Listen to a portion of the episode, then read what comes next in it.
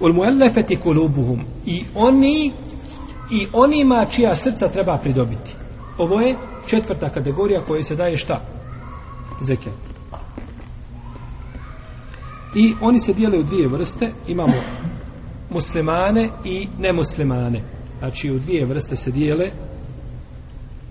Od muslimana mogu biti ljudi koji su primili islam, no međutim još uvijek su slabi u svojem vjerovanju, pa im se daje znači da ojačaju ili mogu biti ljudi koji su na odgovornim mjestima no međutim a, i, i muslimani su a, jeli dobri i daje im se da bi se postakli drugi koji nisu primili islam da prime islam pa da znači jeli, dobiju kao i oni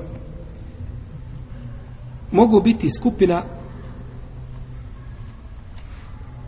ljudi koji se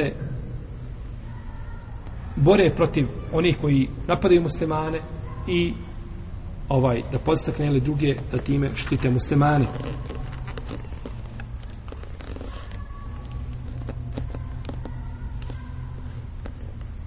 Što se tiče nevjernika, oni mogu biti oni od kojih se očekuje da prime islam, znači velika je vjerojatnoća da će primiti islam i da će biti muslimani, i druga skupina je da se zaštiti od šarva ili od zla onih koji bi mogli da pokušaju ili da naude muslimani da pokušaju da naude muslimani i jednoj i drugoj skupini je dozvoljeno da zeke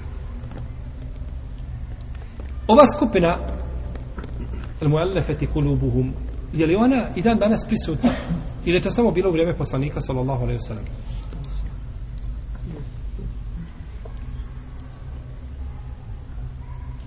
Islamski učenjaci razilaze tome pitanje. Znači ima spor među islamskim pravnicima.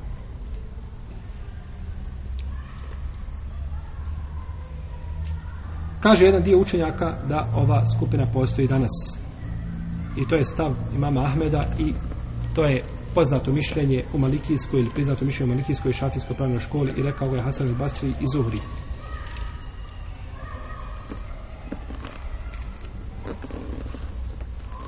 Drugo mišljenje je da je svrću poslanika sallallahu ova skupina znači nestala i da nema više onih koji treba pridobijeti u islam. I ovo je stavi mama Malika i Šafije i Ebu Hanife.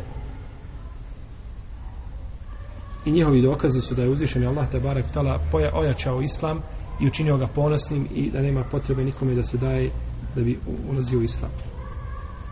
I to dokazuju predajom Omara radijallahu ta'ala anhu da nije davao onima kojima je poslanik sasvim običavao davati, već je rekao Allah je a, počastio Islam, Islam je ojačao i nemamo potrebe znači da se vama nešto daje. Međutim, Omar radijallahu ta'ala kad je rekao ove riječi, on nije htio nikako ovim da znači da negira postojanje ove skupine, nego je trenutno obustavio ovaj hukm i ovaj propis radi čega? Radi stanja u kome se našli muslimani u vrijeme Omara radijallahu ta'ala anhu. Islam je bio ponosan. Sama riječ Islam i, i islamska država u to vrijeme i Omar radijallahu anhu i njegov hilafet su dovoljno govorili za sebe pa nije bilo nikome potrebe znači davati metak da bi ušao u zekat, da bi ušao u islam i da bi time bio znači musliman. I nije Omer htio da taj nikako propis stavi van snage. Nego ga je znači trenutno zamrznuo ili ga nije sprovodio radi okolnosti.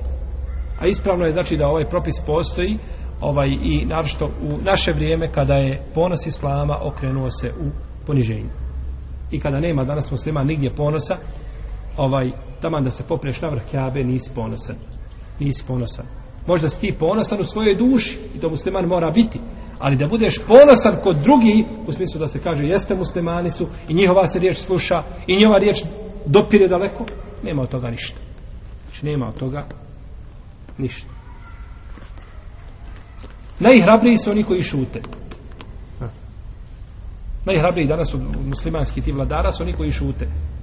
Veliki broj se bori protiv islama otvoreno, neki se broje tajno, a najbolji su koji su šute.